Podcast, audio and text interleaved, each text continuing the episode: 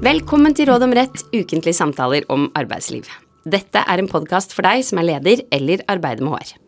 Navnet mitt er Ragnhild Nakling, jeg er advokat og partner i advokatfirmaet Reder, og sitter her som vanlig sammen med kollega og partner Siri Falk-Olsen. I dagens episode skal vi snakke om arbeidsgivers tilretteleggingsplikt ved sykdom, nærmere bestemt hvor langt denne plikten strekker seg. Og Siri, du er HR-sjef i et stort IT-firma. En dag får du høre fra en ansatt som jobber som prosjektleder, at i en lang periode så har han hatt det tøft. Legen har nå sykemeldt han 100% fordi han er utbrent. Tiden går mens den ansatte er borte fra jobb for å forsøke å komme seg på beina igjen og seks måneder senere så er han delvis klar for å komme tilbake. Han sier han ser frem til å begynne på arbeid igjen. Og i samråd med legen så begynner han å jobbe deltid istedenfor å gå tilbake til fulltidsstilling. Men han tenker å opptrappe til 100% stilling på sikt. Månedene går. Dere prøver å tilrettelegge for gradvis opptrapping. Men det viser seg at en deltidsstilling det er mer enn nok for prosjektlederen. Trolig kommer han ikke til å jobbe fullt igjen noen gang. Og prosjektlederen ønsker derfor å bli værende i 50% stilling, men med de samme arbeidsoppgavene som tidligere. Du som HR-sjef syns jo det er ganske uheldig å ha en prosjektleder som jobber deltid i akkurat denne stillingen, for dere har behov for noen som kan jobbe 100% Det har vært ganske utfordrende å dekke opp de resterende 50% med vikar. I tillegg så er det snakk om en kunderettet stilling. Det er ofte korte frister, man har behov for å være tilgjengelig, og dere som arbeidsgiver opplever at det ikke fungerer å ha stillingen delt i to på denne måten. I hvert fall ikke når det skal være permanent. Så hvis prosjektlederen ikke er villig til å gå over i en deltidsstilling med andre arbeidsoppgaver av mer administrativ art, så tenker du at her må du vurdere oppsigelse. Og den ansatte han er ikke interessert i å akseptere endrede arbeidsoppgaver. Han sier at det er prosjektleder han vil være, han mener at det må være mulig å ha denne stillingen, men likevel jobbe bare 50% i tillegg så sier han at han har lest i arbeidsmiljøloven at arbeidsgiver har plikt til å tilrettelegge for at han skal kunne beholde eller få et passende arbeid, og at dette også innebærer en plikt til å tilrettelegge for permanent deltid hvis sykdom, sånn som i hans tilfelle, gjør at det ikke er mulig å komme tilbake til 100% stilling. Så Siri, hva sier HR-sjefen til denne prosjektlederen? Er det virkelig sånn at arbeidsgiver er nødt til å tilrettelegge for en som pga. sykdom ikke lenger kan fylle stillingen sin 100 Og ja eller nei, hvor langt strekker i så fall den plikten seg? Ja, denne prosjektlederen har nok vært i arbeidsmiljølovens paragraf 4-6 og lest at man som arbeidsgiver skal iverksette nødvendige tiltak for at en arbeidstaker som har fått redusert arbeidsevne, skal kunne beholde eller få et passende arbeid. Eh, å ha arbeid å gå til, det er jo eh, en stor og betydningsfull del av hverdagen til folk flest. Og tilretteleggingsplikten er derfor viktig for å bidra til at arbeidstakere får brukt sin arbeidsevne så langt det er mulig, til tross for at den da kan være redusert av sykdom. Og En måte å tilrettelegge på i slike situasjoner kan f.eks. være gjennom overføring til annet arbeid, altså andre typer stillinger. Eh, så den ansatte i vårt eksempel har helt rett i at arbeidsgiver har en tilretteleggingsplikt, og at den i utgangspunktet er svært vidtrekkende. Så arbeidsgiver er altså nødt til å gå langt for å oppfylle tilretteleggingsplikten. Men hva skjer hvis den ikke oppfylles, da? Har reglene noen reell betydning? Ja, reglene de har absolutt reell betydning. Og i vårt eksempel så er det jo sånn at HR-sjefen vurderer oppsigelse hvis prosjektlederen ikke er villig til å gå over i den administrative stillingen som arbeidsgiver tilbyr, som et alternativ. Og hvis resultatet i saken faktisk ender da med en oppsigelse, da risikerer jo arbeidsgiver at oppsigelsen ikke vil være saklig begrunnet, eh, som en følge av at de ikke har opptrådt i samsvar med tilretteleggingsplikten. Hvis man da ikke har gjort det man skal i henhold til arbeidsmiljølovens paragraf 4-6. Så det er derfor veldig viktig at arbeidsgiver er kjent med hva som ligger i denne tilretteleggingsplikten, og hvor langt den strekker seg. Men så sier jo prosjektlederen at arbeidsgiver må tilrettelegge for at han får fortsette som prosjektleder i 50 stilling. Han hadde jo en 100 stilling, eller har den i utgangspunktet, og har tidligere sagt han skal tilbake. Har han rett i at arbeidsgiver må gjøre det, selv om det oppleves som en stor ulempe? Ja, altså Nå legger vi jo til grunn at han ikke vil være i stand til å komme tilbake igjen. Så det vi her snakker om, er, er da en, en permanent eh, endring av stillingen. En permanent reduksjon fra 100% til 50 stilling. Eh, og eh, det er ikke nødvendigvis sånn at den strekker seg så langt som han her hevder. Fordi at det denne prosjektlederen kanskje ikke har fått med seg når han har slått opp i loven, det er at selv om tilretteleggingsplikten strekker seg langt, så er den ikke ubegrenset. Og etter lovens ordlyd så gjelder plikten så langt det er mulig. Og det er jo her de vanskelige vurderingene og grensedragningene må foretas. Så vi jurister er jo glade i å foreta konkrete skjønnsmessige helhetsvurderinger, og det er nettopp det man er nødt til å gjøre når man skal vurdere om arbeidsgiver har handlet i tråd med tilretteleggingsplikten eller ikke, eller hvor langt den strekker seg. Og det er jo her vi strever litt noen ganger i podkasten vår, hvor vi på den ene siden ikke kan noe annet enn å falle tilbake på konkrete helhetsvurderinger, men likevel prøver å ja, veilede om noen utgangspunkter og gjøre det så konkret og praktisk vi kan, da. Og hva vil du si om utgangspunktene her, Siri? Fins det noen, eller er det en helt åpen vurdering? Nei, vi står ikke helt på bar bakke. Ehm, for dette spørsmålet om arbeidsgiver har overholdt tilretteleggingsplikten så langt det er mulig, det har vært behandlet i Høyesterett flere ganger. Og senest nå i år, altså nå i år i, i 2022, så har Høyesterett avgjort en sak hvor de vurderte om en oppsigelse var ugyldig som følge av et eventuelt brudd på tilretteleggingsplikten eh, ved sykdom. Og hva gikk den saken ut på? Den saken den handlet om en arbeidstaker med redusert arbeidsevne som ble sagt opp fra sin stilling som multimedieprodusent etter at det var klarlagt at hans arbeidsevne var varig redusert med 50% I den saken var det forsøkt iverksatt tilretteleggingstiltak med sikte på å få han tilbake i full stilling, men det viste seg å være forgjeves. Og det var snakk om en ganske langvarig tidsperiode.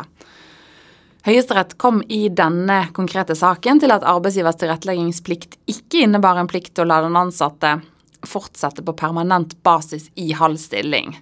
Så selv om Høyesterett i denne saken opprettholdt utgangspunktet om at tilretteleggingsplikten er vidtgående, og at dette så langt Eh, det er mulig skal tolkes strengt, så kunne det i denne saken ikke kreves at det skulle opprettes en ny halv stilling. Og Derfor ble oppsigelsen ansett å være saklig begrunnet. Og i den saken så tok man jo også opp tilliggende spørsmål bl.a. knyttet til hvor mye eh, arbeidsgiver måtte dokumentere om denne vurderingen, men det kommer vi sikkert litt tilbake i en annen episode òg, hvor vi kan snakke om kravene til dokumentasjon for arbeidsgiver, som er høye, men hvor Høyesterett i denne saken veldig enkelt sagt sa men de er ikke så høye at man må skrive ned alt man har tenkt. Det er helt riktig. Mm. Og saken den har jo mange likhetstrekk da, med eksempelet vårt. Betyr det at vår arbeidstaker ikke kan kreve å jobbe deltid i den stillingen han i utgangspunktet hadde? Ja, det er jo et eh, ganske likt saksforhold i denne høyesterettssaken som vi står overfor i vårt eksempel. Eh, så det kan jo tale for at arbeidsgivers tilretteleggingsplikt ikke strekker seg så langt som til å opprette en ny halv stilling eh, til denne prosjektlederen. Men det, det er ikke sånn at det vil være helt sikkert, fordi at til tross for at Høyesteretts synspunkter i saken jeg nå har snakket om, Eh, kan tilsi at mye er likt, så må arbeidsgiver alltid foreta en konkret vurdering. Eh, så avgjørelsen fra Høyesterett betyr ikke at det alltid vil ligge utenfor tilretteleggingsplikten å opprette en ny deltidsstilling.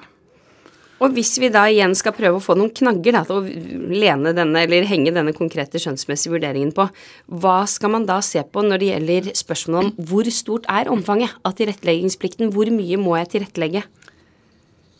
Ja, eh, ved vurderingen av hvor langt denne tilretteleggingsplikten rekker, så er det relevant å se hen til forhold ved virksomheten eh, i seg selv. Altså se hen til forhold ved arbeidsgiver. Sånn som arten av virksomheten, størrelsen, økonomi. Så f.eks. så vil en virksomhet med god økonomi kunne ha en mer vidtrekkende tilretteleggingsplikt enn en virksomhet med dårlig økonomi. Rett og slett fordi tilretteleggingstiltak ofte innebærer kostnader for virksomheten, og de med sterkere økonomi de vil være bedre rustet til å bære disse kostnadene enn andre. Eh, og på samme måte så vil en stor bedrift gjerne ha bedre forutsetninger for å tilpasse arbeidet enn det som er tilfellet for en liten organisasjon. Eh, og som jeg har vært inne på, denne tilretteleggingsplikten den gjelder så langt det er mulig. Og det vil jo til syvende og sist være en relativ vurdering av hva som strengt tatt er mulig for den konkrete virksomhet eller arbeidsgiver. Og rent objektivt så er det vel mange virksomheter som vil ha mulighet til å strekke seg nokså langt, eller meget langt, kan man si. Og hvis man tar lovens ordlyd på ordet, for å si det sånn, så gir det jo inntrykk av at plikten er nesten uten begrensninger. Ja, jeg er helt enig i det. Ordlyden, den eh, rekker langt. Eh, og i forarbeidene til loven så er det bl.a. vist til at dette helt klart kan omfatte tiltak som er økonomisk belastende eller på annen måte ressurskrevende og til ulempe for arbeidsgiver. Men samtidig så sier Høyesterett, og det sa Høyesterett i denne saken jeg akkurat viste til, at ordlyden 'så langt det er mulig', den kan ikke tas helt på ordet. Det vil være en grense for hvor langt arbeidsgiver må strekke seg. Hvis man skulle trekke en parallell her, så kan man jo på en måte tenke på interesseavveiningen i forbindelse med oppsigelser. På en måte vil det jo alltid være i arbeidstakers interesse mer å beholde jobben enn arbeidsgivers interesse i å si opp. Men man har jo veldig mange eksempler på at det likevel faller ut til den eh, siden at det er saklig ja, med oppsigelse. Det er jeg helt enig i. Mm. Fins det noen eksempler på hva som er for mye å kreve av arbeidsgiver, da? Ja, det er vanskelig her å gi konkrete eksempler på noe som alltid vil være for mye å kreve av en arbeidsgiver, siden dette med at alle virksomheter har forskjellige forutsetninger eh, for å iverksette tilrettelegging. Men likevel så har Høyesterett tidligere uttalt at tilretteleggingsplikten f.eks. neppe vil rekke så langt at andre arbeidstakeres rettigheter kan tilsidesettes eller innskrenkes til fordel for den arbeidstakeren som har behov for tilrettelegging. Og hva, hva betyr det? Ikke tilsidesettes eller innskrenkes? Ja, man kan se for seg eh, en IT-servicearbeider som arbeider på dagtid, og en vaktmester som arbeider på kveldstid.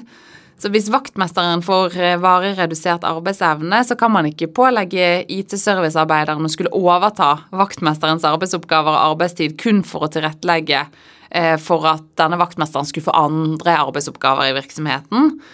Og det samme vil jo være tilfellet hvis eh, en fulltidsarbeidende arbeidstaker pålegges å gå ned i stillingsprosent for å fylle resten av stillingen i tilfeller hvor den arbeidstakeren med redusert arbeidsevne ikke lenger kan jobbe fulltid.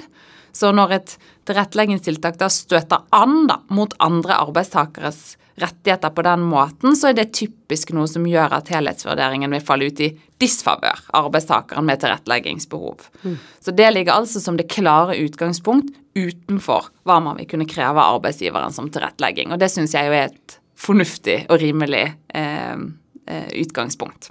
Absolutt. Og hvis vi tenker tilbake på casen vår, så vil det jo da kunne avhenge av om fins det andre arbeidstakere som kan fylle resten av den deltidsstillingen som arbeidstakeren her eventuelt vil få, uten at de da går ned i verken arbeidsmengde eller får arbeidsoppgaver som ligger utenfor kontrakten. Ja, det er jo momenter som det absolutt vil være relevant å se hen til i den konkrete vurderingen. Og i vårt eksempel så virket det jo som om at de har dekket opp dette eh, 50 %-behovet med en vikar. Og det kan jo være utfordrende å finne noen som på permanent basis kan fylle en 50 %-stilling som prosjektleder. Så det vil jo absolutt være et moment i helhetsvurderingen av hvor langt denne tilretteleggingsplikten strekker seg. Har du andre eksempler på tilretteleggingstiltak som man ikke nødvendigvis hvert fall kan kreve at en arbeidsgiver setter i verk? Ja, altså selv om man som arbeidsgiver har en plikt til å tilrettelegge, så har man som arbeidsgiver også en rett til å organisere, lede og fordele arbeidet i virksomheten. Og dette er jo en viktig del av arbeidsgivers styringsrett som, som vi har vært inne på. Eh, dette med styringsrett har vi vært inne på i flere tidligere episoder. Eh, og i denne høyesterettssaken som jeg nå har snakket om, så kom eh, Høyesterett fram til at arbeidsgiveren i det konkrete tilfellet hadde ikke en plikt til å dele opp en fulltidsstilling til to halve stillinger. Og Det var bl.a. begrunnet i at det ville være vanskelig for arbeidsgiveren å finne en kvalifisert arbeidstaker som var villig til å jobbe kun 50% Men én ting man der må merke seg, og det er, er viktig, det er at Høyesterett ikke utelukker at det alltid vil ligge utenfor tilretteleggingsplikten å foreta en sånn permanent endring i organisasjons- og stillingsstrukturen. Men for at denne type endringer eh, i organisasjons- og stillingsstruktur skal være en del av tilretteleggingsplikten, så sier Høyesterett at da legger de til et nytt på en måte et vilkår. De sier at da må det foreligge vektige grunner som tilsier at det er nødvendig. Og vektige grunner, en, igjen en slags rettslig standard som vi advokater og jurister da kan fylle med betydning. Hva, vil, du hva vil du si at det betyr, Siri? Nei, eh, det er det mange som kanskje har stilt seg spørsmål om. Men det Høyesterett gjorde i denne saken, det var jo å skjerpe kravet til nødvendigheten av tilretteleggingen. Og det henger sammen med at arbeidsgivers styringsrett, eh, som jeg nå var inne på, at når et tilretteleggingstiltak medfører organisatoriske endringer i virksomheten, da må det foreligge veldig gode grunner for at den delen av styringsretten skal vike til fordel for arbeidstakeren. For det er noe som arbeidsgiver i utgangspunktet eier og bestemmer i kraft av styringsretten. Sånn at arbeidsgiver nyter et visst vern ved at terskelen for å konstatere et sånt behov for tilrettelegging da legges høyt. Så med vektige grunner så mener jeg, eller Høyesterett, rett og slett at det skal mye til før vi, eh, hensynet til arbeidstaker tilsier at arbeidsgiver er nødt til å foreta permanente organisatoriske endringer i virksomheten. Og når både du og Høyesterett mener det, Siri, da må det jo være riktig. Men når man skal vurdere, da, foreligger det sånne gode eller vektige grunner? Er det igjen en konkret skjønnsmessig vurdering? Ja, da er det det. Så vektige grunner i en sak, det vil nok ikke nødvendigvis være vektige nok i en annen sak, men felles er i alle fall at terskelen er høy for at tilretteleggingsplikten skal strekke seg så langt. Så med denne høyesterettssaken som jeg nå har snakket en del om, så har vi et godt grunnlag for å si at det skal mye til for at tilretteleggingsplikten ved sykdom strekker seg så langt at arbeidsgivere plikter å opprette nye halve stillinger. Og med den informasjonen vi har fra caset vårt, betyr det at prosjektlederen da ikke har rett til å kreve å få en 50% stilling som prosjektleder? Vi har begrenset med informasjon, men basert på det vi vet, og basert på at saken er ganske lik saksforholdet i saken fra Høyesterett, så tenker jeg at det er mye som taler for at HR-sjefen kan holde fast ved at virksomheten ikke er forpliktet til å lage en permanent 50 %-stilling som prosjektleder, siden det skaper store utfordringer for virksomheten. Men det er jo viktig at disse utfordringene som HR-sjefen peker på, at de er reelle, og at det kan dokumenteres på en god måte. F.eks. disse utfordringene med å finne en, en, en, kvalifisert arbeidskraft til å ta en halv stilling. Så her har jo HR-sjefen en jobb å gjøre før, før, hun eventuelt går videre med en, en oppsigelsessak. Og hvis du skal oppsummere dagens tema med tre råd eller punkter, Shiri, hva vil du si da? Ja, da vil jeg si at arbeidsgiver har en lovfestet tilretteleggingsplikt ved sykdom som i utgangspunktet strekker seg veldig langt. Og den innebærer at arbeidsgiver må iverksette tiltak som både kan være ressurskrevende og økonomisk belastende. Men tilretteleggingsplikten den er likevel ikke ubegrenset, og den vil som den klare hovedregel ikke omfatte tiltak som griper inn i andre arbeidstakeres rettigheter. Og I tillegg så må det foreligge vektige grunner før tilretteleggingsplikten medfører en plikt til å foreta permanente endringer i organisasjonen av virksomheten, f.eks. gjennom å opprette en ny deltidsstilling. Eh, og jeg vil vel si at det skal en del til for at tilretteleggingsplikten strekker seg så langt. Det var det vi hadde. Vi kommer tilbake med nytt tema og nye tips i neste episode.